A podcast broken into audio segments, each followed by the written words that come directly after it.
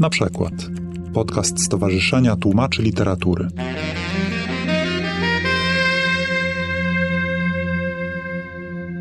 Guten Abend, meine sehr verehrten Damen und Herren. Ich freue mich sehr, dass Sie so zahlreich erschienen sind zu diesem Abend mit Esther Kinski, die ich äh, ebenfalls sehr herzlich begrüße.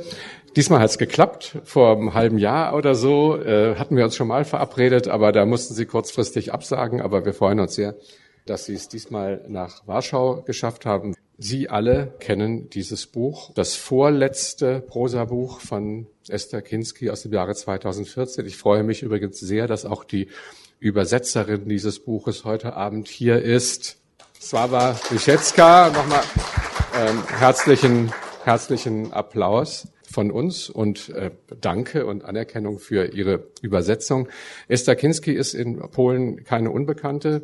Das hat zum einen damit zu tun, dass ihre Bücher nicht unbekannt sind, dass sie übersetzt sind und zum anderen damit, dass sie Übersetzerin ist, eben auch aus dem Polnischen, nicht nur aus dem Polnischen, sondern wenn ich es richtig verstanden habe, vor allem Polnisch, Russisch und Englisch. Bei Wikipedia gibt es eine kleine, vielleicht nicht äh, vollständige Übersicht von Sachen, die äh, Esther Kinski übersetzt hat, also aus dem Polnischen beispielsweise einiges von Olga Tokarczuk, ich glaube insgesamt drei Bücher, zwei von Joanna Bator. Über das Übersetzen wollen wir nachher auch noch mal ein bisschen separat sprechen. Dann Dinge aus dem Englischen Joseph O'Connor, Henry David Thoreau, also ein Klassiker, Lob der Wildnis, und mir sehr sympathisch Ian Sinclair, über den wir vielleicht nachher auch noch mal ein paar Worte verlieren müssen vielleicht etwas wie, ähm, ja, nicht ganz unverwandt in seinem schreiberischen Ansatz dem, was Sie tun, aber in Hauptsache natürlich heute Abend die literarische Arbeit von Esther Kinski. Sie ist Lyrikerin, sie schreibt Essays und sie schreibt Prosabücher. Zwei haben besonders Aufsehen erregt. Das eine war eben dieses hier noch am Fluss 2014, das dann ins Polnische übersetzt worden ist und dann 2018 dieses Buch hier, Hein, im Untertitel Geländeroman. Dieses Buch hat vor ziemlich genau einem Jahr den Preis der Leipziger Buchmesse erhalten und ist in Deutschland oder im deutschsprachigen Raum sehr stark beachtet worden, hat sehr viel Anerkennung ähm, erfahren und äh, auch dazu geführt, dass Esther Kinski seitdem ständig eingeladen wird. Ne, so ist es ja wohl. Also sie kam vielleicht, darüber müssen wir dann auch nochmal sprechen, gar nicht mehr die Zeit, die sie brauchen für ihre übersetzerische Arbeit oder es kann sein, dass das etwas äh, kurz kommt, weil Sie jetzt so viel unterwegs sind. Wir freuen uns also sehr, dass Sie da sind. Wir freuen uns sehr, dass wir etwas verspätet diese großartige polnische Übersetzung dieses großartigen Buches noch äh, feiern können und vielleicht noch nebenbei ein bisschen Reklame machen können für die polnische Übersetzung von Hein, die eigentlich unbedingt fällig ist. Also vielleicht kommt es ja demnächst soweit. So, das war mein Teil und jetzt möchte ich Esther Kinski bitten, natürlich zu lesen, aber wenn Sie mögen, auch vorneweg vielleicht noch ein paar Dinge zu sagen und dann wird sie einen ersten Teil lesen und dann werden wir uns weiter unterhalten und dann wird sie nochmal lesen und wir werden uns weiter unterhalten und dann möchten wir Sie natürlich auch gerne um Ihre Wortmeldungen bitten. Also, bitteschön, jetzt haben Sie das Wort. Ja, danke schön und dobre wieczór. Ich freue mich sehr, in Warschau zu sein. Es hat mir leid getan, dass es im November nicht dazu kam und äh, umso schöner, dass wir jetzt hier sind. Ich möchte erstmal, also ich steige eigentlich immer ganz gerne mit Text ein und werde jetzt auch gleich lesen. Ich möchte aber vorher ein bisschen was zu der Art dieses Buches sagen. Also es passiert nicht viel in meinen Büchern, passiert nie viel. Es geht eigentlich mehr um Wahrnehmung und diese Flusslandschaften spielen eine Rolle weniger durch ihre so durch dieses fließende oder ähm, wechselhafte als eben in ihrer Grenzhaftigkeit. Das ist für mich ein ganz wichtiger Punkt. Da geht es dann auch in der zweiten Stelle, glaube ich, drum. In jedem Fall ist es ein Buch, das sich in erster Linie mit London auseinandersetzt oder beschäftigt. Es ist ein in vier erzählt strengen komponiertes Buch, das jeder, es gibt immer vierer Blöcke in diesen Kapiteln, die, wovon je, jeweils ein Kapitel zu einem dieser Stränge gehört. Also das ist ganz wichtig, kommen wir vielleicht später noch drauf auf diese Form. Und ich fange jetzt einfach mal an und lese etwas. Und zwar geht es hier gleich um die Oder. Jeder Fluss ist eine Grenze. Das war eine der Lehren der Kindheit. Er bildet den Blick auf das andere, zwingt zum Stehenbleiben, zum in Augenschein nehmen der gegenüberliegenden Seite. Der Fluss ist die bewegte Bühne, gegen die sich das andere Land des Gegenüber zum starren Bild fügt, zum Hintergrundgemälde, das sich der Erinnerung einprägt. Was, wenn der Fluss über die von ihm gezogene Grenze hinaus auch Grenzfluss ist? Ist das Fließen, die unaufhaltsame Mündungswertigkeit des Wassers stärker als die Bedeutung einer starren Linie, die über Zugehörigkeiten verfügt? Trägt das Wasser etwas ab? Lässt es Staatsgrenzliches gering und abnutzbar erscheinen? Bestimmt es die wahre Zugehörigkeit als die zu einem Blick auf die jeweils andere Seite? Obwohl ich mein Herz voll Erwartung an Polen geheftet hatte, verband ich mit der Oder als Grenzfluss nicht viel, als ich sie bei der ersten Reise in den Osten überquerte.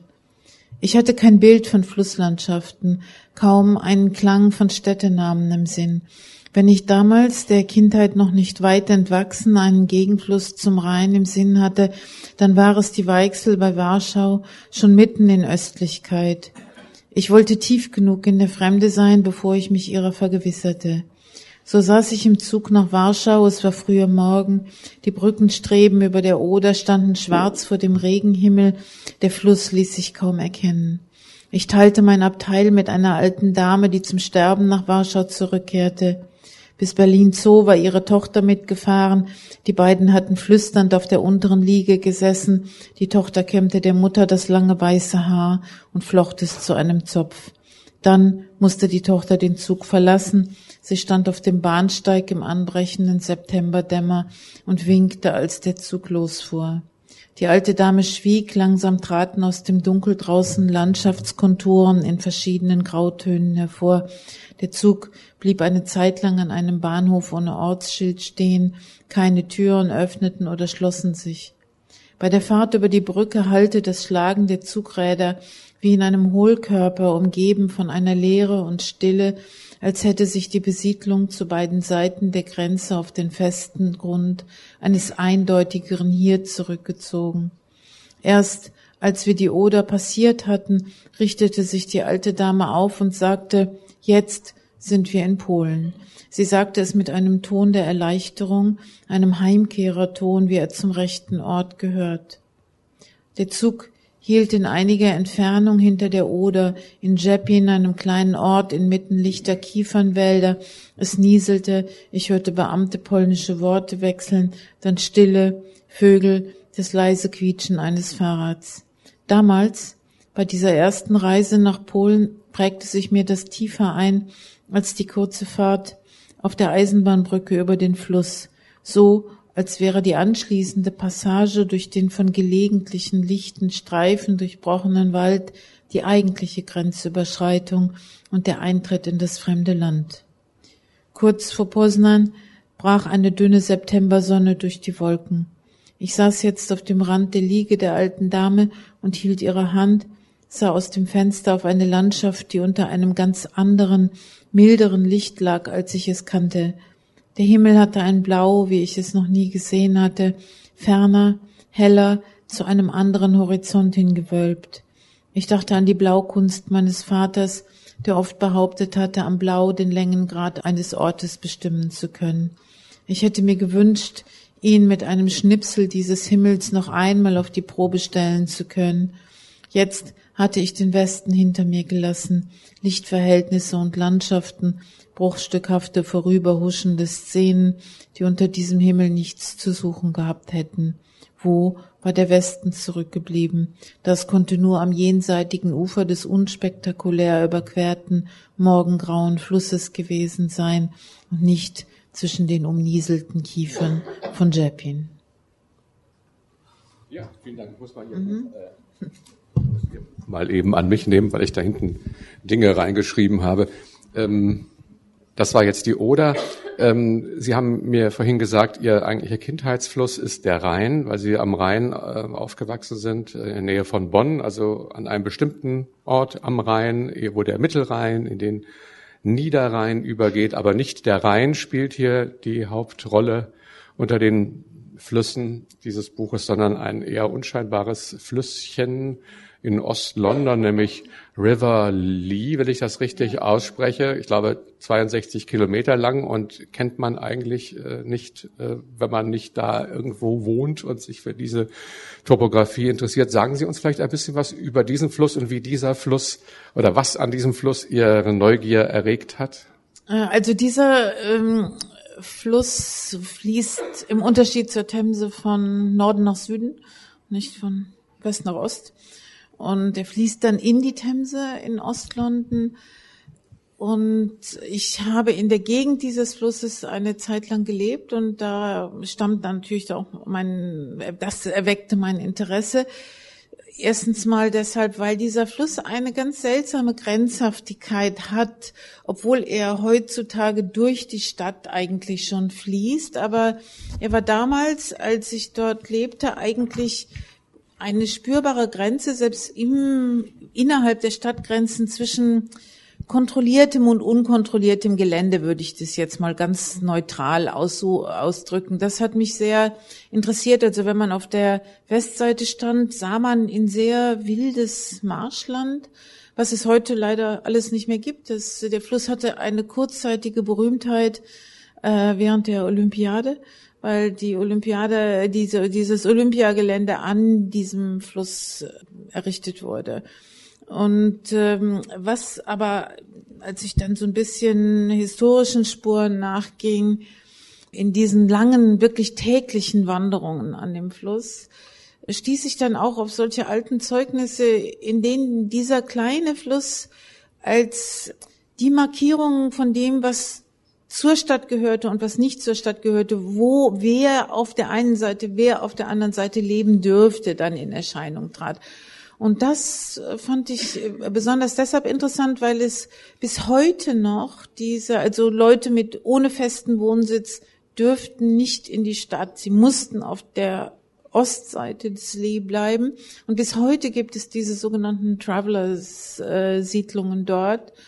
Äh, das hat sich dann alles ein bisschen verschoben, zum Teil etwas dramatisch im Zusammenhang mit der Olympiade. Aber es ist eben ein Gelände, wo sich so eine so eine periphere Geschichte auch eingezeichnet und eingeschrieben hat. Also es ist ein Gelände voller Spuren, wo gleichzeitig auch immer wieder, wie das in Städten so ist, die Spuren getilgt werden und das, ja, hat mich dann sehr fasziniert und beschäftigt. Jetzt haben Sie schon das Wort Gelände ins Spiel gebracht. Also Hein, das andere, neueste Buch von Ihnen, nennt sich Geländeroman. Sie interessieren sich für Gelände, also für Terrain oder ich weiß nicht, wie man das sonst äh, sagen. Gelände ist ein wunderbares Wort. Sie haben schon Hinweise darauf gegeben, was für ein Gelände es ist, was Sie literarisch interessiert. Also was für eine Qualität muss Gelände, also es gibt den Fluss, aber der Fluss ist im Gelände. Was muss so ein Gelände haben, damit es für Sie interessant ist? Ja, also für mich ist der, ähm, ich finde es erstens mal einen wichtigen Begriff, weil er so undefiniert bleibt. Also ich, ähm, es gibt diesen Diskurs um Nature Writing im Moment, von dem ich mich sehr gerne und und und dezidiert äh, ähm, äh, absetzen möchte. Und das war einer der Gründe, weshalb ich dieses Buch Hein Geländeroman nennen wollte, damit es nicht mit Naturbeschreibung in Verbindung gebracht wird. Zum anderen gibt es den Begriff des gestörten Geländes, der kommt aus dem Englischen eigentlich Disturbed Lands. Das ist für mich zu einem ganz zentralen Begriff geworden. Das ist der der deutsche Begriff war früher menschlich überprägt, also es handelt sich um, sagen wir mal, im weitesten Sinne Landschaften, in denen sich Natur, wenn man diesen großen Begriff mal vorsichtig anwendet, ähm, auf eine ganz bestimmte Art und Weise über, diesem, über den Spuren dieser menschlichen Interferenz äh, wieder etabliert. Und was mich interessiert, ist zum einen natürlich das, was man sieht, wozu Naturerscheinungen wie Flora und Fauna und sowas auch gehören. Das ähm, gefällt mir einfach, das zu beobachten. Mich interessieren aber auch die Spuren und mich interessiert vor allen Dingen das Element im gestörten Gelände, was immer auch menschliches Leiden beinhaltet. Es gibt keine menschliche Interferenz ohne menschliches Leiden und Spuren von menschlichem Leiden. Und ohne dem jetzt auf ähm, eine unbedingt definierte und erst recht keine akademische Art äh, nachzugehen, ist das eben das Terrain, was mich interessiert. Also wo, wo es so einen Ansatz von Wildnis zu beobachten gibt, aber eben auch diese kaum verdeckten Spuren, die sich kreuzen und verschlingen und wieder entwirren. Ähm, nun folgt das Buch ja tatsächlich auch so einem Weg Ganzen sozusagen von der Quelle bis zur Mündung. Ne? Also es nein, äh, nein, nicht von der Quelle. Aber also, von von mm, von einem frühen Stelle sozusagen im Flusslauf. Mhm. Also nicht die komplette Länge, aber der, das Buch drängt sozusagen zur Mündung mhm. hin. Ne? Ja. Ähm, mhm. Wie kann man sich Ihre Arbeitsweise vorstellen, als Sie, als Sie dieses Buch, also auf, sich auf die Spuren dieser, dieses Geländes begeben haben? Tag für Tag oder immer wieder in Anläufen? Ähm, wie methodisch sind Sie da sozusagen zu Werke gegangen? Äh, also das Buch geht zurück auf eine Zeit, die ich dort gelebt habe in Ostlondon in der ich mich äh, nach dem Verkauf meines Hauses in der glücklichen Situation befand, dass ich äh, nicht unter Druck arbeiten musste. Mhm. Und deshalb bin ich wirklich, ich glaube, zehn Monate lang jeden Tag nur an diesem Fluss entlang gegangen und äh, habe mir Notizen gemacht und habe fotografiert und äh, mir überlegt, was daraus werden kann. Und die Urform dieses Buches war ein äh, war ein 22-strophiges Prosagedicht, was ich ursprünglich sogar auf Englisch geschrieben habe. Das äh, ähm, und daraus hat sich dann nach und nach äh, haben sich diese verschiedenen Schichten darüber gelegt und dann wurde es Deutsch und eben zu diesem für mich immer noch erstaunlich dicken Buch. Äh, muss auch sagen, also 380 oder so oder fast 400 Seiten, ähm, das ist erstaunlich, weil man denkt, das ist so ähm, für diese Streifzüge würde man üblicherweise bei 200 Seiten oder so abschließen, weil ja nicht irgendwie also es gibt immer noch mehr Material, aber es gibt ja nicht irgendwie in dem Sinne Handlungen, die zu irgendeiner Art von Auflösung oder so drängt. Aber komischerweise, ich weiß nicht, wie es anderen Lesern gegangen ist, mir, ich kann nicht genug kriegen von ihrem Stoff. Das ist doch irgendwie bemerkenswert. Ich frage mich, was Sie da eigentlich anstellen. Also es bleibt mir eigentlich ein Geheimnis oder vielleicht Ihnen selbst, wie, wie Sie es schaffen, einen so lange auf der Spur dieser, äh, dieses Geländes sozusagen zu halten. Ja, also ich, ich glaube, das, das ist natürlich sehr schön, wenn das Leute diesen so finden, Effekt ja. hat. Den kann man ja nicht planen als Autor. Ähm, jedem geht es so, dass man sich manchmal entsetzlich langweilt. Und ich bin auch sicher, dass es sehr viele Leser gibt, die sich bei meinem Buch langweilen oder gelangweilt haben und es dann gelangweilt zur Seite gelegt haben, äh, weil eben wenig passiert. Aber jeder hat andere, andere Erwartungen an einen Text. Und es freut mich natürlich sehr, dass sich so ein, äh, ja, fast äh, so ein, ein Schreiben etablieren kann und seinen Boden behaupten kann, auf dem es steht, ohne Plot. Ja, da. Ähm Sie haben gesagt, Nature Writing ist ähm, ein Begriff, mit dem Sie ungern sich in Verbindung bringen lassen. Der Zufall oder kein Zufall will es, dass dieser Verlag, der Verlag Ihres ersten Buches Mattes und Seitz, eigentlich der große Promotor sehr erfolgreich in Deutschland dieser ganzen Tendenz namens Nature Writing gibt. Und es gibt hier in diesem Verlag Dutzende von Büchern über Käfer, Steine, äh, Vögel und alle möglichen anderen Gegenstände sozusagen der belebten und unbelebten Welt. Aber sie machen eigentlich eher, wenn man will, Culture Writing oder Social Writing, weil ich finde, sie, es geht ja um den Fluss und die Landschaft und die Marsch, aber es geht um die orthodoxen Juden, den kroatischen Händler, den Markt und so. Sie machen doch etwas wie eine Totalaufnahme dieser Welt und würden nicht die Unterscheidung zwischen Natur und Kultur hier irgendwie stark machen, oder? Die, die würde ich sowieso nie stark machen und ich glaube, das mit diesem Nature Writing ist einfach ein unglückseliger Diskurs, weil man einen Begriff aus dem Englischen oder eher sogar Amerikanischen nimmt, der eigentlich auf ein Diktum zurückgeht, Ende der 60er Jahre, als es, ich weiß gar nicht mehr, wer das gesagt hat, als es darum ging, the end of fiction. Es gibt jetzt nur noch drei Arten, wie man schreiben kann. Das ist Science Writing, Life Writing, also autobiografisch, oder Nature Writing. Und ähm, dieses Nature Writing hat natürlich eine bestimmte Tradition, vor allem im amerikanischen, wo man sich ja auch als invasives Element, mal ganz ehrlich gesagt, permanent gegen eine Wildnis, eine Natur definieren musste. Und dem diente das zum Teil. Dann wiederum gibt es natürlich die großen Väter dieses Nature Writings sind Leute wie Thoreau, nicht mit seinem berühmten Walden, was ich überhaupt nicht mag, sondern mit diesen wunderbaren Journals, in denen er wirklich, das ist für mich schon eine Art Vorbild, möchte ich nicht sagen, aber ich habe sehr viel aus diesen Journals gelernt. Einfach dieses sich einlassen auf die Wahrnehmung. Und das ist es, was er tut. Er beobachtet einfach nur. Und es geht bei ihm ja überhaupt nicht nur um die Natur.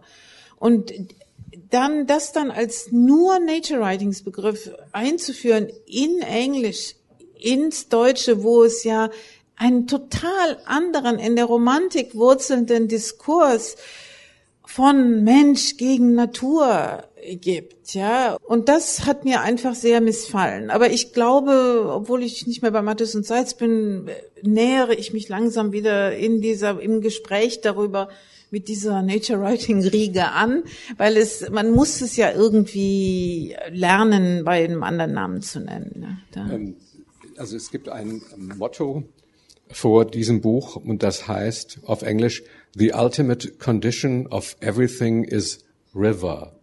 Und über Ian Sinclair vielleicht gleich auch noch ein Wort, mhm. aber wollen Sie uns dieses Motto etwas nahebringen? Ähm, mir gefiel es ehrlich gesagt einfach gut. Es, ähm, ja, ich fand ich, diesen, diesen Ausspruch ja, ja. einfach so toll und dann dachte ich, was könnte besser sein? Ähm, the ultimate condition of everything is river is, is grandios, ja. Ähm, aber warum?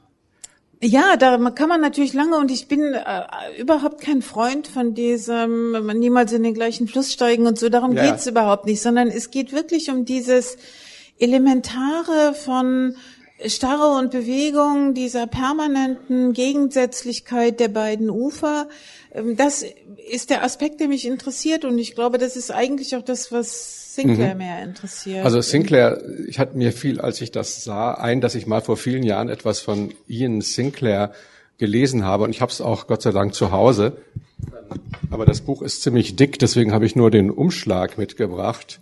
Hackney, That Rose Red Empire. Und das ist eigentlich Ihr das Bezirk. Hackney, ja. Wir können das mal auf die Karte. Das ist nämlich ein wunderschönes Buch mit einer Karte. Vielleicht sagen Sie uns eins, unterdessen ein paar Worte über Hackney was das überhaupt ist. Äh, ja, also Hackney ist eine Borough im Osten Londons und ein großer Teil die, dieser, dieser Gemeinde liegt an dem River Lee, wo er dann Richtung Themse schon fließt.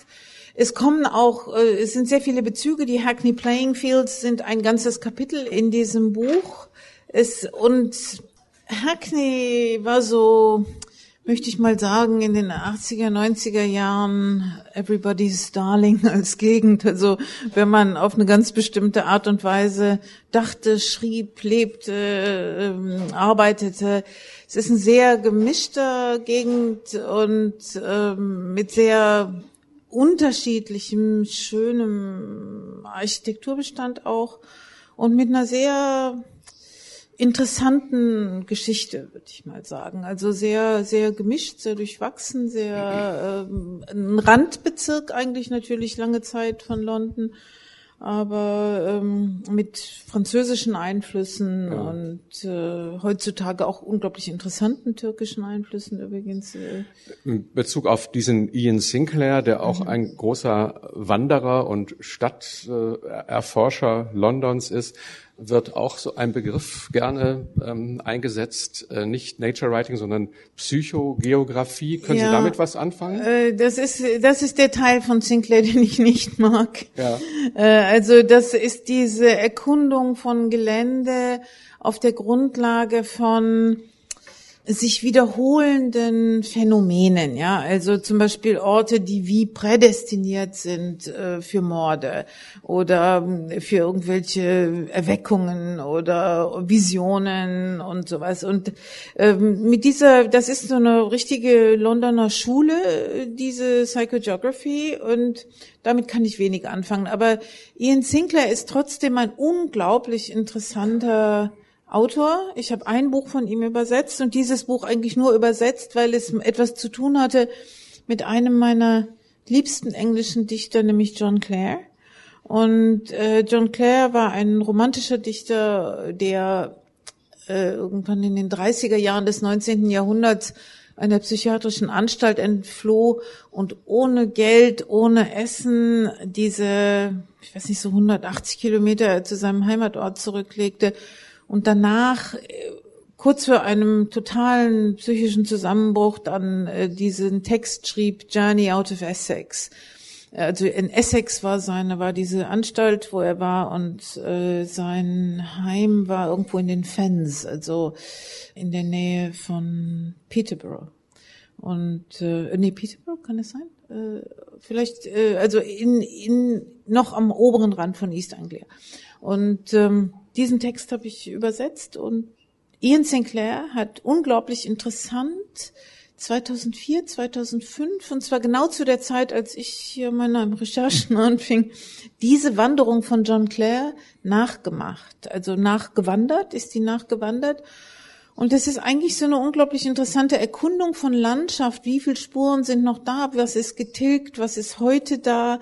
Und natürlich eine unglaublich schockierende Erkundung auch von einer total überkontrollierten Landschaft. Ne? Und äh, diese beiden Bücher, also die haben für mich eine besondere Rolle gespielt mhm. und das habe ich auch übersetzt. Wir wollen vielleicht gleich noch ein bisschen über Flüsse mhm. von Ihnen hören. Zu erwähnen wäre vielleicht auch, dass natürlich dieser eine Fluss in Ost-London, dieser River Lee, die Hauptrolle spielt, aber es gibt noch einige Nebenrollen für Flüsse ganz unterschiedlichen Charakters. Die Thais, ne? also in mhm, mhm. Nordungarn, Tissa, Tissa ja, ja, mhm. die Oder, die Neretva, also in, in Bosnien, mhm. Äh, der Fluss in Kalkutta. Hugli. Hugli. Mhm.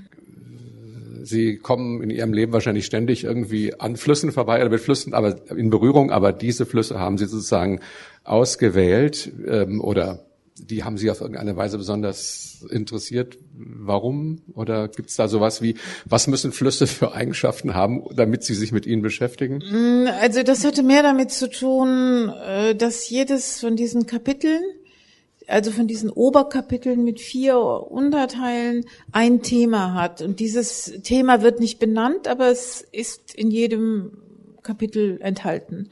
Und so habe ich diese Flüsse ausgesucht, die, dass die sich in diese, ja, dass sie zu diesem Thema passten. Ist das, sagen, Flusskapitel in Ihrem Leben irgendwann zu Ende gewesen oder lässt diese Faszination durch Flüsse oder für Flüsse nie nach und Sie würden heute immer noch in ähnlicher Weise so Flüsse erforschen wollen? Ja, also Flüsse ziehen mich immer sehr an. Ich habe auch gestern viele Stunden an der Weichsel verbracht. Äh, aber äh, ich kann ja nicht immer weiter über Flüsse schreiben. Äh, aber ich Schade, finde ja. sie schon, ja, vielleicht schreibe ich noch mal was, aber, aber nicht jetzt sofort. Und äh, im, in Hain kommt ja auch der Po vor. Das ist ja auch im Grunde ja, ein, ja, ein Kapitel, Italien, der, der sich nur mit dem Delta befasst. Also ich fand eine Stelle ganz großartig, Seite 126, wo sie, da geht's um, äh, um Polen, aber eigentlich nur indirekt, weil sie plötzlich, wie Sie sagen, durch eine augenblickslange Fehldrehung der Erde plötzlich ein Licht auf diese englische Szenerie sozusagen einströmt und dieses Licht erinnert sie an das Licht zwischen Bug und Weichsel. Mhm. Ich sympathisiere mit dieser Vorstellung, dass man irgendwo denkt, das ist jetzt nicht das Licht von England, sondern das ist das Licht von irgendwie entferntem Mitteleuropa. Sie hatten offensichtlich eine Vorstellung davon, wie das Licht zwischen Bug und Weichsel ist und können das sozusagen in Relation setzen zu einem Lichterlebnis, das Sie an anderer Stelle haben? Ja, das denke ich schon auf jeden Fall. Also ich glaube, äh, dass das kann man jetzt natürlich nicht in Länder aufteilen, aber es gibt natürlich Zonen, das wird was mit der einfach mit so einem Lichteinfallswinkel vielleicht zu tun haben. Das wird was mit der Grad der Entfernung vom Meer zu tun haben, äh, mit dem Breitengrad, aber auch mit dem Längengrad. Also ich habe da sehr viel drüber geschrieben, äh, über diese verschiedenen Himmelsblaus zum Beispiel und äh, wie unterschiedlich das Licht ist. Und das ist mir auch jetzt zum Beispiel, als ich äh, hier von Krakau gekommen bin, wieder so stark aufgefallen, wie vollkommen anders es ist als zum Beispiel in Italien, wo ich jetzt lebe. Das äh, in Norditalien trotzdem ist es einfach vollkommen, es ist dann auch, auch da, wo ich lebe, nicht unbedingt ein mediterranes Licht, aber es ist einfach vollkommen anders. Und äh, das frappiert mich immer an erster Stelle bei einem Ort, den ich aufsuche, die Spezifizität des Lichtes. Mhm. Wollen Sie uns noch ein Stück mhm. vorlesen? Also jetzt, äh, das kommt aus einem Kapitel namens Folklore. In diesem Winter öffnete ein paar Meter vom Stollerreich entfernt ein osteuropäischer Lebensmittelladen, der nichts mit den Frommen zu tun hatte. Die Tüten und Schachteln trugen Beschriftungen in Russisch, Ukrainisch und Polnisch. Alles war abgepackt wie bei Stollers, nur nicht koscher. Es gab Borscht, Mohnstrudel und Wodka wie bei Stollers, doch auch Schinken und Würste und mit unscharfen Abbildungen berühmter Gemälde verzierte Pralinenschachteln. Das Geschäft war von einem auf den anderen Tag in dieser kleinen Zeile leerer Ladenlokale zwischen zwei Straßeneinmündungen aufgetaucht, ohne dass ein Zettel oder Plakat es angekündigt hatte. Die Waren lagen auf wackligen Lagerregalen und primitiven Gestellen, stets brannten schwach flackernde Neonlampen, die das Tageslicht dunkler erscheinen ließen, als es war, und nach Einbruch der Dunkelheit ein kalt trübes Licht verbreiteten. In diesem Licht standen die Kunden, fast ausnahmslos die russisch, ukrainisch und polnisch sprechenden Bewohner möblierter Zimmer in heruntergekommenen Häusern mit Gemeinschaftsküchen an den großen Durchfahrtsstraßen, befingerten Vertrautes beglückt und weniger Vertrautes neugierig, erledigten ihre Besorgungen. Männer kamen vom Bau und kauften Wodka und Wurst, Frauen kamen von ihren Putzfrauen und Kellnerinnenstellen und kauften Schokolade und Tütensuppen. Sie plauderten, tauschten sich aus, riefen einander Gepflogenheiten, Namen, Aromen in Erinnerung, besprachen die Speisen der Heimat und gingen dann mit ihren Fertigprodukten davon. Auf der Verpackung trugen diese Suppenflocken, Kuchen und Fischkonserven die Namen öder Provinzstädtchen, wo der Inhalt der sich hier so heimweherweckend darbietenden fadbunten Tütchen und Schachteln, womöglich aus riesigen Säcken unbekannter Herkunft, geschaufelt, gelöffelt, geschüttet wurde. Ich suchte das Geschäft öfter auf, auch wenn ich dort wenig zu kaufen fand, doch ich betastete und betrachtete gern die Dinge, die mir aus Osteuropa vertraut waren und sich immer mit einem kleinen Stich deplatzierten Heimwehs verbanden, einer Art Heimweh zweiter Hand, wie man es für Orte empfindet, von denen man unter Auslassung der sogenannten Wirklichkeitsform meint, sie hätten Heimat sein können. Manchmal traf ich den Kroaten dort an, der sein Geschäft früher schloss, um mit den Mädchen an der Kasse zu plaudern. Er verzog die schmalen Lippen zu einem schiefen Lächeln, wenn er mich bemerkte und zwinkerte mir unerklärlich mitwisserisch zu, während er versuchte, mit den Mädchen heimatlich zu reden. Er sagte kroatische Worte und freute sich sichtlich, wenn sie ihn verstanden oder er verstand oder zu verstehen meinte, was sie sagten. Er wollte ihnen seine Vokabeln beibringen und wiederholte immer wieder einzelne Bezeichnungen, wobei er den Kopf mit geduldigem Ausdruck zur Seite neigte und den Mädchen wie ein Dirigent mit der Hand bedeutete, ihm nachzusprechen. Diese lachten meistens, nur eine junge Frau mit langem Zopf und strenger Brille tat ihm mit ernstem Gesicht den Gefallen und wiederholte die Worte mit polnischem Akzent. Mittags, wenn keine Kundschaft im Geschäft war, sangen die Mädchen mit hellen Stimmen ukrainische und polnische Volkslieder und wiegten sich in den Hüften wie auf einem Dorffest. Ich machte an diesem Abend einen weiten Umweg durch die Straßen im frühen Dämmer. Leute stolperten mit vorweihnachtlichen Taschen und Tüten aus den Bussen.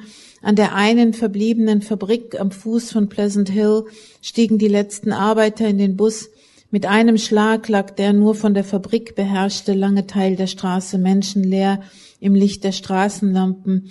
Ein mausgesichtiger Junge auf einem für ihn viel zu kleinen Fahrrad fuhr pfeifend und langsam neben mir her bis an die nächste Kreuzung, wo sich Kinder mit einem schief gefahrenen Rollator zu schaffen machten und ihn schließlich unter kreischendem Gelächter in ein Gebüsch stießen. Es begann zu nieseln, der Weg zurück zu meiner Wohnung erschien mir endlos. Ich hatte mich noch nie verlaufen, war aber jetzt erleichtert, als ich wieder auf die Durchfahrtsstraße stieß, die ich kannte. Der abendliche Verkehr wurde spärlicher, kaum jemand war zu Fuß unterwegs. Der Regen hing in zarten, vibrierenden Glocken unter den Straßenlaternen. Vor dem Schaufenster des osteuropäischen Lebensmittelgeschäfts, das jetzt geschlossen war, standen Männer und starrten hinein. Der Kroate zwischen kurdischen Taxifahrern von dem Stand auf der gegenüberliegenden Seite, ein paar Zufallspassanten am hintersten Ende der Reihe, den Körper halb zum Gehen gewandt, doch den Blick noch auf das Fenster geheftet, auch Jackie, der einzige mit einem Regenschirm. Drinnen waren die wackligen Regale beiseite geschoben und auf der freigeräumten Fläche übte eine Tanzgruppe. Die Mädchen trugen alle die gleiche Tracht mit weißen Blusen, roten Röcken und geblümten Tüchern. Sie fassten sich an den Händen, drehten sich im Kreis, wechselten die Richtung, klatschten in die Hände, stemmten die Hände in die Hüften, ließen die Röcke wirbeln, hakten sich zu viert beieinander ein, fassten einander an den Schultern, warfen die Köpfe in den Nacken, wedelten mit kleinen Tüchlein, die sie im Rockbund stecken hatten, nahmen die Röcke mit spitzen Fingern bis über die weißbestrumpften Knie hoch und schwenkten sie hin und her. Alles wie auf eine lang getroffene Verabredung hin. Niemand schien Anweisungen oder Befehle zu geben, niemand dirigierte oder formierte sie. Die Pausen zwischen den Tänzen waren kurz, vielleicht war es ein einziger langer Tanz, nur unterbrochen von diesen sekundenlangen Reglosigkeiten, die Teil der Choreografie sein mochten. Das Neonlicht schien bläulich blass auf die müden Gesichter der Mädchen, deren Münder bei den langsameren Tänzen auch die Worte zu Liedern formten. Sie schienen ihre Zuschauer gar nicht wahrzunehmen und tanzten wie um ihr Leben zu einer Musik, die draußen unhörbar blieb. Nur wenn eine Sequenz mit dem abrupten Aufstampfen der Füße in schwarzen, hochhackigen Schuhen endete, meinte man auch auf dem Gehsteig vor dem Fenster den Aufprall kurz und dumpf wahrzunehmen. Die Ansichten von Schwarzmeerküsten, Altstadtarkaden, Schneegipfeln und Zwiebeltürmen an den Wänden über den Regalen, alle etwas schief angebracht, schimmerten schwach in fahler Blaustichigkeit und bildeten das stumme Publikum, dem diese Darbietung galt. Orte, auf die man sich als den kleinsten gemeinsamen Nenner der Sehnsucht geeinigt hatte, Chiffren, der aus Not, Verdruss, Langeweile oder diesem oder jenem Weh verlassenen Heimat, die man jetzt an diesen düsteren Vorweihnachtsabenden auf dem schäbigen, abgewetzten Linoleumboden in kleine Stücke tanzte. Die Männer draußen rauchten, schnipsten die Zigarettenstummel in die Pfützen, zündeten sich die nächste Zigarette an. Keiner von ihnen sagte ein Wort, nur der Kroate gab gelegentlich ein Schnalzen von sich. Die vorbeifahrenden Busse warfen schmutzige Spritze an die Hosenbeine der Männer. Der Gehsteig war hier schmal und der Regen war stärker geworden. Als ein Mädchen stolperte und drohte, ihre kreisende Vierergruppe zu Fall zu bringen, ging ein Raunen durch die Reihe der Zuschauer. Die Mädchen lachten verschwitzt und nervös nach dem kleinen Zwischenfall, bemühten sich aufs Neue in Schwung und Rhythmus zu kommen, doch nun geriet immer wieder einer aus dem Tritt, knickte mit dem Fuß um machte einen falschen Schritt, Erschöpfung malte sich auf einigen Gesichtern, während andere noch ungemindert ein starres Strahlen zur Schau trugen, das so gut zu den billigen Fremdenverkehrsplakaten an den Wänden passte. Schließlich ließen sie alle voneinander ab und drängten in den Hinterraum. Jemand löschte das Licht, und im Schein der Straßenlampen sah man nur noch die Umrisse der zusammengeschobenen Regale.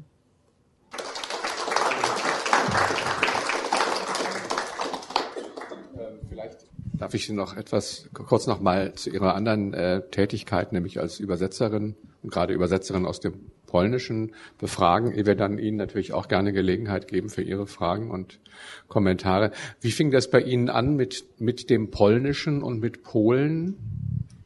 Ja, also Übersetzerin wollte ich eigentlich immer schon werden. Das hört sich komisch an, aber es war wirklich so. Immer schreiben und immer übersetzen beides.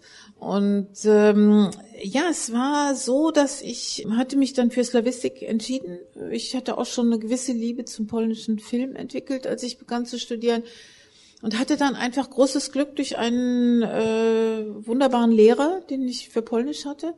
Und dem, dieser Tatsache ist eigentlich zu verdanken, dass ich mich dann für Polnisch entschieden habe. Und äh, ja, so kam das. Es kam, ging dann sehr viel über persönliche Verbindungen und einfach Reisen nach Warschau, Kontakte und ja, und dann eben die ersten Gelegenheiten, Texte zu übersetzen und dann eben, es, es war, glaube ich, auch eine günstige Zeit, in der man sich dann sehr schnell als Übersetzer aus einer bestimmten Sprache etablieren konnte, wo so ein Umdenken in Bezug auf literarische Übersetzung auch aus diesen sogenannten kleineren Sprachen einfach äh, an das Fuß fassen konnte. ist ja bei, wenn man äh, slawische Sprachen lernt, immer die schwierig. Also eine Sprache lernen ist schwer, zwei Sprachen lernen vielleicht noch schwieriger, wobei man natürlich dann davon profitiert, dass man vielleicht schon etwas am slawischen System sozusagen kapiert hat. Wie steht das bei Ihnen mit Polnisch und Russisch? Was ist Ihnen die erste Slawine sozusagen? Äh, also in, in Deutschland musste man erst damals in Westdeutschland Russisch lernen und äh, man musste vier Semester Russisch machen, bevor man mit der zweiten Sprache anfangen konnte. Insofern hatte ich schon äh, eine Grundlage im Russischen, ja und und ich liebe auch immer noch die russische Sprache und die russische Literatur. Übersetze wirklich nicht mehr viel, eigentlich fast nur noch Lyrik. Aber Polnisch hat sich dann einfach auch durch die eben durch Kontakte, durch Reden, durch äh, Texte, die man bekam, vorgeschlagen bekam, vorschlagen wollte, einfach so etabliert. Ich meine, das sind fast, eigentlich fast immer Zufälle. Ja. Das, mhm. Äh, also wir haben Olga Tokarczuk erwähnt, von der Sie fast alles übersetzt haben, was ins Deutsche übersetzt worden ähm, ist, oder doch? Nein, nein, ähm, einiges, ja. Die ersten, ich habe die ersten drei Bücher von ihr mhm. übersetzt. Mhm. Und dann Johanna Bator, wie ist das jetzt, wenn Sie jetzt aktuell Dinge aus dem Polnischen übersetzen? Verfolgen Sie die polnische Literaturszene, machen dem Verlag Vorschläge? Kommt der Verlag zu Ihnen mit dem und dem Auftrag oder Angebot? Oder wie kommt das zustande? Ähm, also Johanna Bator war so jetzt die letzte zeitgenössische. Ich mache sehr viel Lyrik, aber dann eher für Zeitschriften. Und ist noch kein Buch zustande gekommen. Also ich kann jetzt nicht sagen, dass ich die zeitgenössische polnische Literatur so. Also Johanna Bator fand ich wirklich ganz toll, die mhm. ersten mhm. beiden Bücher. Und das hat mich auch sehr interessiert. Aber sonst ist es einfach so, wenn ich die Entscheidung treffen muss zwischen Schreiben und Übersetzen, möchte ich lieber was übersetzen, was mich mit der Sprache auch weiterbringt. Ja, mhm. also äh, und ich habe jetzt zum zweiten Mal nach fast 30 Jahren zum zweiten Mal äh, Miram Białaszewskis Pamiętnik übersetzt, was eine ganz ganz tolle Erfahrung war. Dasselbe Buch nochmal, weil, weil mir auch klar geworden ist, es ist nicht nur ein Buch über diese furchtbare Zerstörung, sondern auch ein Buch Buch über den Prozess der Erinnerung und wie sich das dann auf einmal überlagert mit dem eigenen Prozess der Erinnerung an die vorhergehende Übersetzungserfahrung. Das, das war schon einfach für sich unglaublich interessant. Aber das ist ein Text und selbst wenn man ihn als einzelner Übersetzer dreimal übersetzen würde, er bringt einen immer wieder weiter im, im, im Gebrauch der eigenen Sprache. Und das ist wirklich das, was ich suche.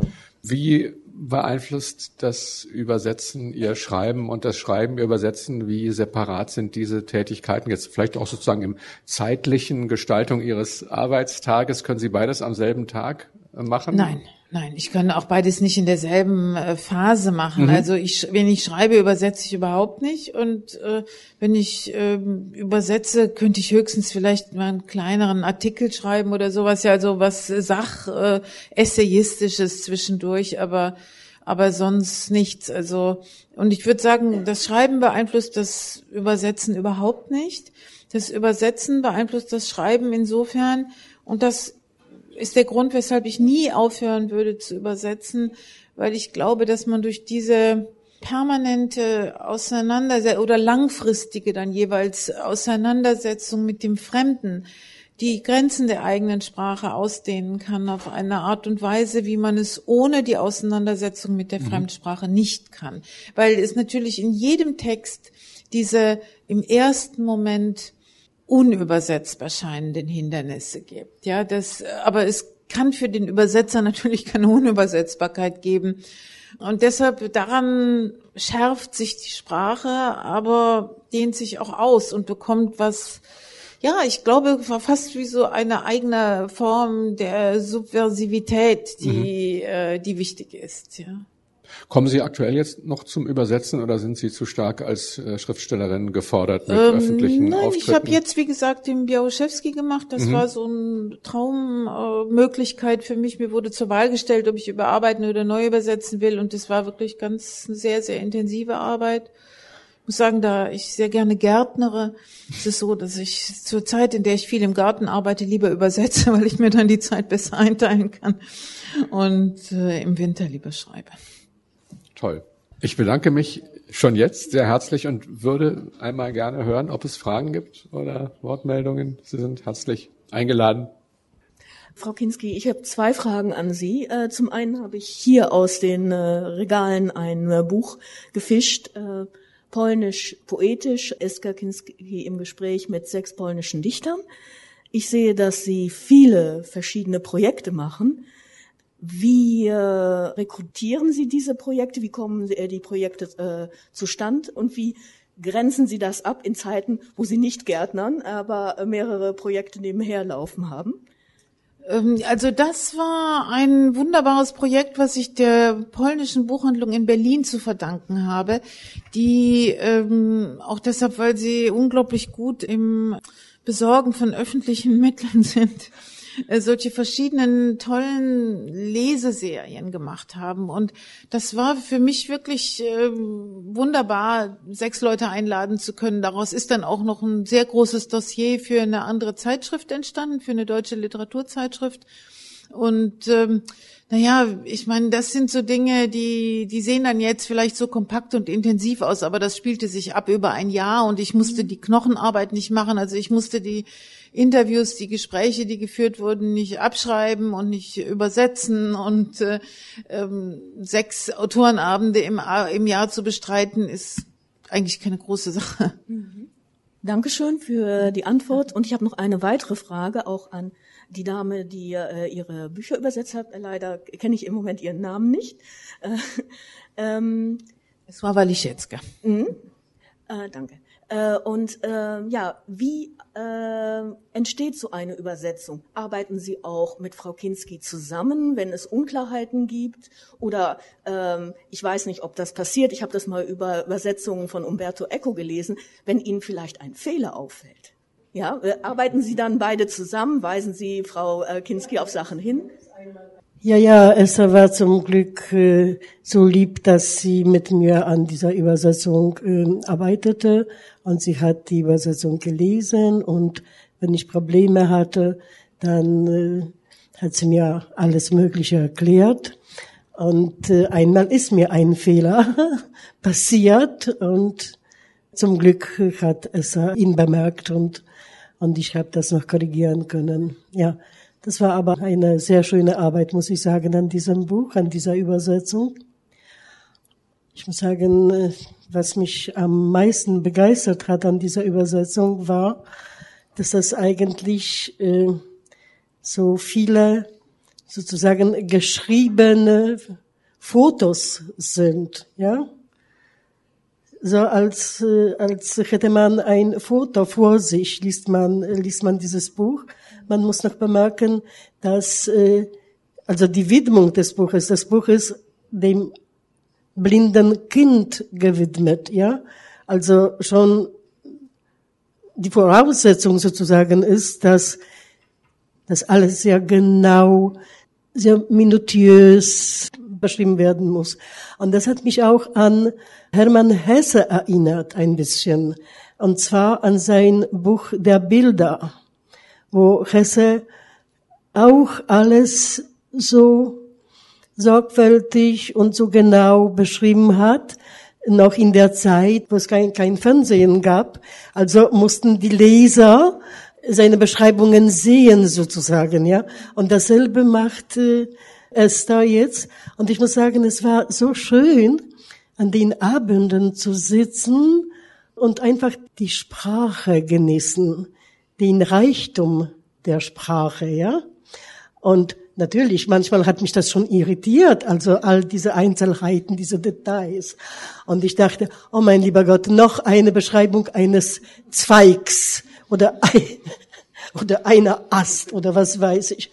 So, alles musste, jedes Blatt musste beschrieben werden. Natürlich kam, kamen auch solche Momente vor, ja. Aber vor allem, ich habe diese Sprache wirklich genossen. Am Abend, wo die Sprache so wunderschön geflossen ist und, und dadurch entstand auch eine Geschichte. Es gibt zum Beispiel in diesem Buch, und ich möchte sehr, wenn wir noch ein bisschen Zeit haben, dass es da dieses Kapitel oder ein bisschen, ein paar Seiten davon liest, wie sie über den Wind in London schreibt.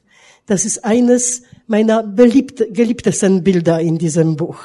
So was Fantastisches, so was Erfinderisches gibt es in, in dieser Beschreibung des Windes. Und wir können all diese Arten der Winde sehen, denn es gibt keinen einzigen Wind. Es gibt sehr viele Arten von Winde, ja.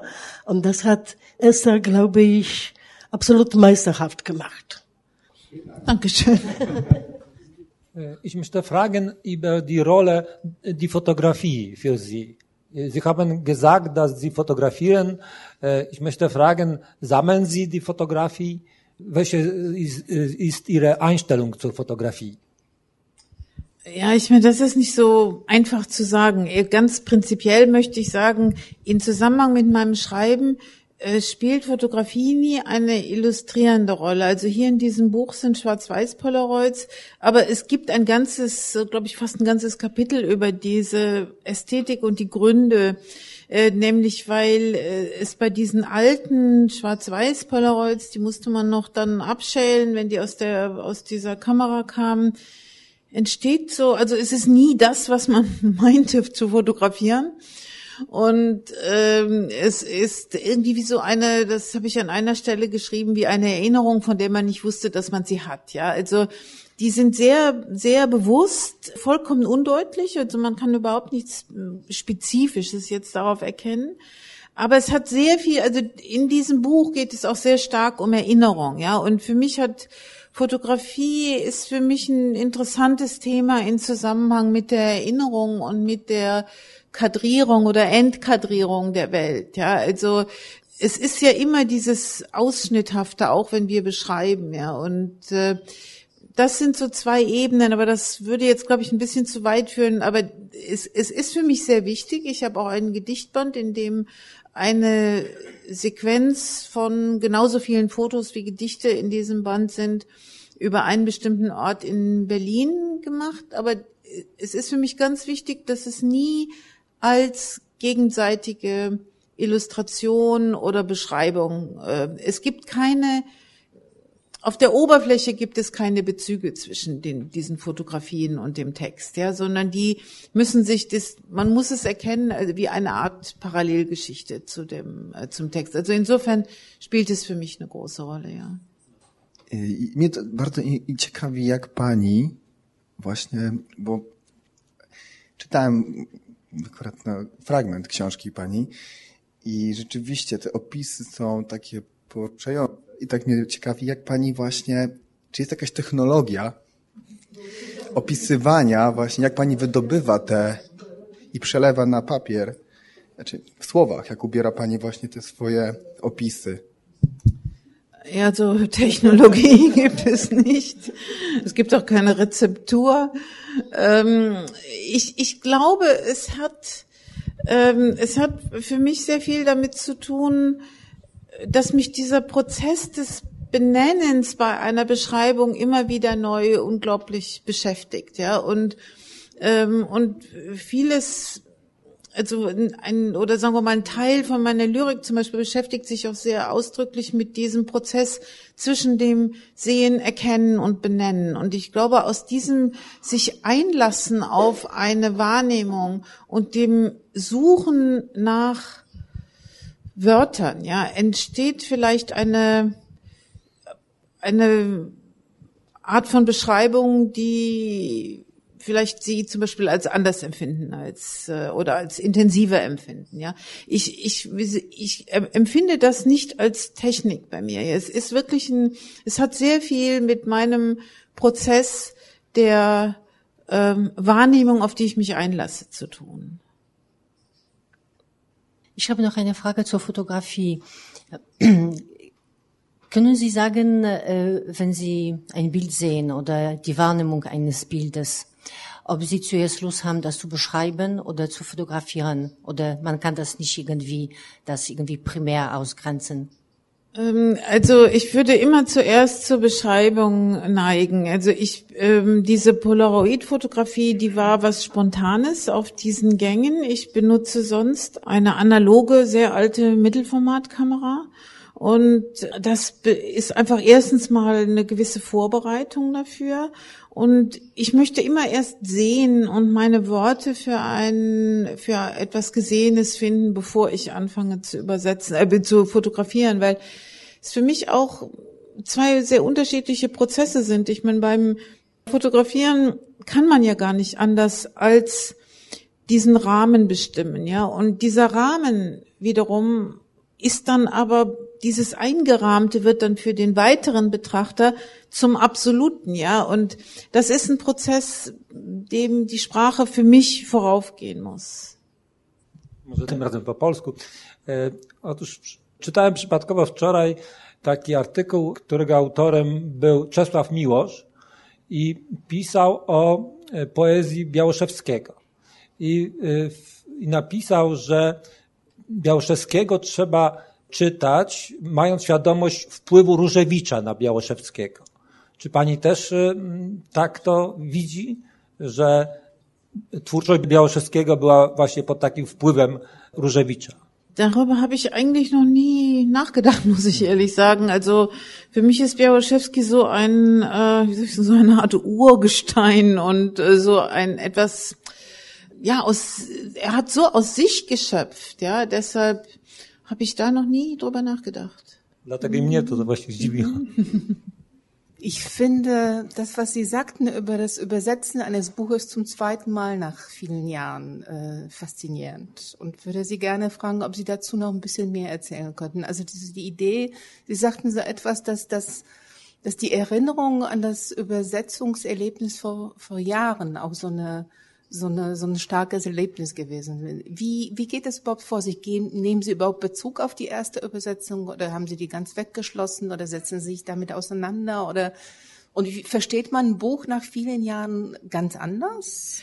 Ja, erstens mal natürlich, äh, wenn fast 30 Jahre dazwischen liegen, in denen man natürlich unvermeidlicherweise auch diese 30 Jahre älter geworden ist, sieht man, dann liest man das Buch natürlich ganz anders, ja. Aber äh, wie ich eben schon sagte, für mich war natürlich auch, weil ich meine eigene Erinnerung an die Übersetzung habe, ist Białoszewskis Buch viel stärker ein Buch über den Prozess des Erinnerns geworden als ein Prozess über die Zerstörung und ein Prozess über die Rolle des, der Erinnerung bei der, ja, man möchte fast sagen, bei der einer Heilung der Welt, ja, das äh, der wahrgenommenen Welt, also über die unglaubliche Kraft und Bedeutung der Sprache dabei. Und ähm, gleichzeitig aber, also es war es für mich, also ich habe wirklich kein einziges Mal in meine alte Übersetzung geschaut. Es war sehr interessant, wie unmittelbar sofort die Erinnerung wieder da war. Ich konnte mich bei je, fast jeder Seite erinnern, in welchem Licht, in welchem Zimmer, an welchem Ort ich die äh, übersetzt hatte. Ich konnte mich noch ganz genau an die Schwierigkeiten erinnern. Ich konnte mich natürlich, wurde mir auch klar, wo ich was falsch übersetzt hatte. Und das wirklich nach all dieser Zeit ohne, ohne ein einziges Mal in die Übersetzung zu sehen.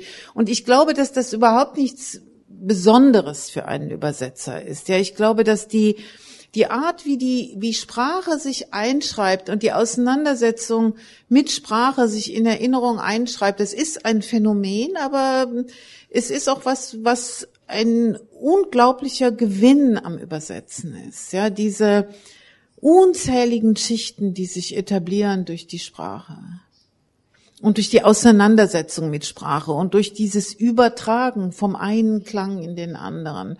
Und das war für mich das, ähm, natürlich, wie gesagt, man, man kann Fehler wieder gut machen, man oder berichtigen, man kann äh, einfach einen, einen Blick gewinnen in eine Ebene eines Werks, das man vorher nicht gehabt hatte also, denn man hat es natürlich, man, diese Gelegenheit bekommt man ja fast nie, ja, dass man nochmal fast dasselbe Buch, also natürlich erweitert um diese relativ wenigen äh, Zensureingriffe, die 2014 aus der Ausgabe rausgelassen waren, ja, das, äh, insofern war es, es war, es ist aber wirklich minimal, diese Unterschiede, ja, das, das, ja, es war, ähm, ich, ich werde auch was über diese Erfahrung schreiben. Für es gibt eine wunderbare Serie Cahiers der amerikanischen Universität in Paris, die ein Department für nur für literarische Übersetzung hat und die haben dieses Essay schon bestellt. Das ja teraz powiem coś po polsku. Stanę tam, żeby mnie było widać troszkę bardziej, bo chcę coś zapowiedzieć. Otóż ja prowadzę takie małe wydawnictwo, które się nazywa Od Do. I mam nadzieję, że jeszcze w tym roku ukaże się w tym wydawnictwie książka Ester Kiński, e, która po niemiecku nazywa się Fremdsprechen i właśnie e, to może troszkę odpowiedź na Pani pytanie. E, jest to książka eseistyczna, w której Ester Kiński opowiada o sztuce tłumaczenia i o tym, w jaki sposób no, dochodzi się, że tak powiem, do tłumaczenia i do tych najgłębszych, najgłębszych warstw y, słowa. Tę książkę tłumaczy jedna z moich studentek. Ja jej oczywiście w tym pomagam. Myślę, że tytuł będzie brzmiał Obcowanie z obcym jeśli Ester oczywiście się na to zgodzi, ale... Już, już się zgodziła. Nie, to wcale nie jest takie, nie, to wcale nie jest takie pewne. W każdym razie chciałam powiedzieć, że wymyśliłam taki tytuł Obcowanie z obcym, bo uważam, że, że coś w tym, coś w tym naprawdę jest.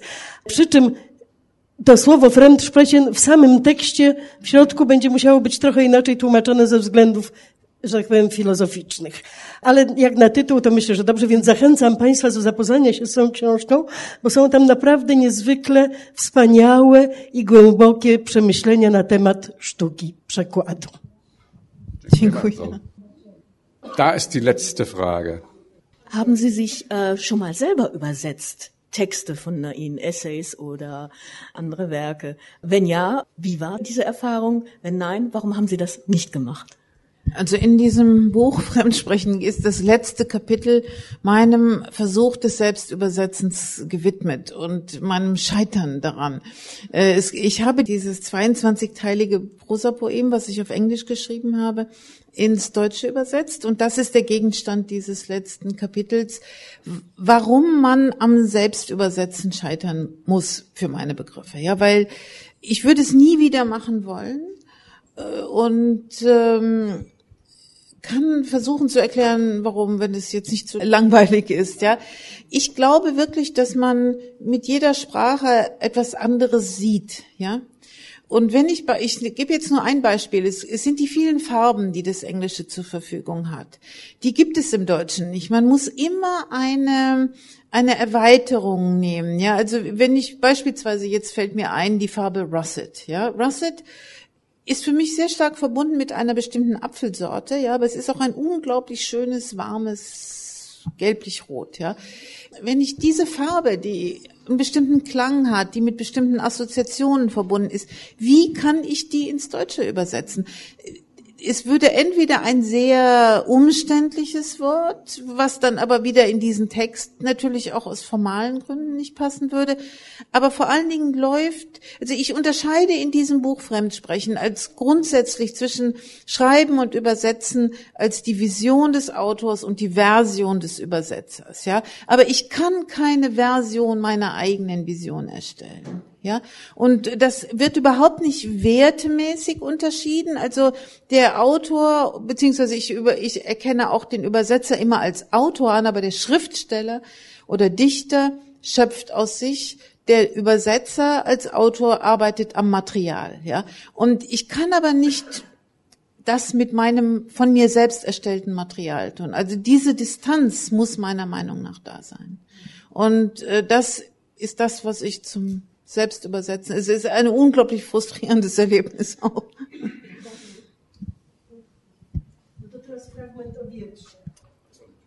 Okay. Wind. Der Wind war eine Lektion, die jeder Fremde in der Stadt lernen musste. Es gab die plötzlich aufwallenden Nachtstürme, die die Luft mit einem ohrenbetäubenden Scheppern, Schlagen, Klatschen und Klirren erfüllten, weil überall Dinge halb aus ihren Verankerungen gezerrt im Wind schaukelten, dann irgendwann ganz abgerissen und über die Straßen getrieben wurden, bis sich die Wege der Windbeuten an einer Stelle so ineinander verhakten, und verhedderten, dass alles zum Erliegen kam und die Satellitenschüsseln, Fenstergriffe, Plastikflaschen, Briefkastenklappen, Notizhefte, Feuerzeuge, Wäschestücke und Klammern, Fotografien und nachlässig versteckten Einbruchswerkzeuge in einer Biegung von Fahrbahn oder Gehweg zu einem kleinen Hügel zusammensackten. Es gab die langen Stürme, die sich mit einem hohen, aus der Reibung der unterschiedlich schnell ziehenden und unterschiedlich farbigen Wolkenschichten erzeugten Pfeifen ankündigten, mit Einbruch der Dunkelheit abflauten und mit dem ersten Morgendämmer erfrischt wieder einsetzten, als wollten sie unbedingt bei ihrem Wirken gesehen werden. Zu den besonderen Erscheinungen gehörten die kurzatmigen Windhosen, die einzelne Stadtteile auf den Kopf stellten und hilflos auf ihren Firstchen zappelnde Häuserreihen hinterließen, während sie sich aus dem aufgewirbelten Staube machten. Dankeschön. Dziękuję bardzo. Vielen Dank für diesen Bonus über den Wind in London. Das mussten wir unbedingt noch hören. Und ähm, damit ist dieser Abend leider beendet. Ich bedanke mich ganz herzlich bei Esther Kinski und äh, freue mich schon auf Ihren nächsten Besuch in Warschau. Und äh, danke Ihnen allen für Ihr Kommen und Ihr Interesse und wünsche Ihnen noch einen angenehmen Abend. Auf Wiedersehen. Ja, dziękuję bardzo. Wysłuchali Państwo na przykład podcastu Stowarzyszenia Tłumaczy Literatury.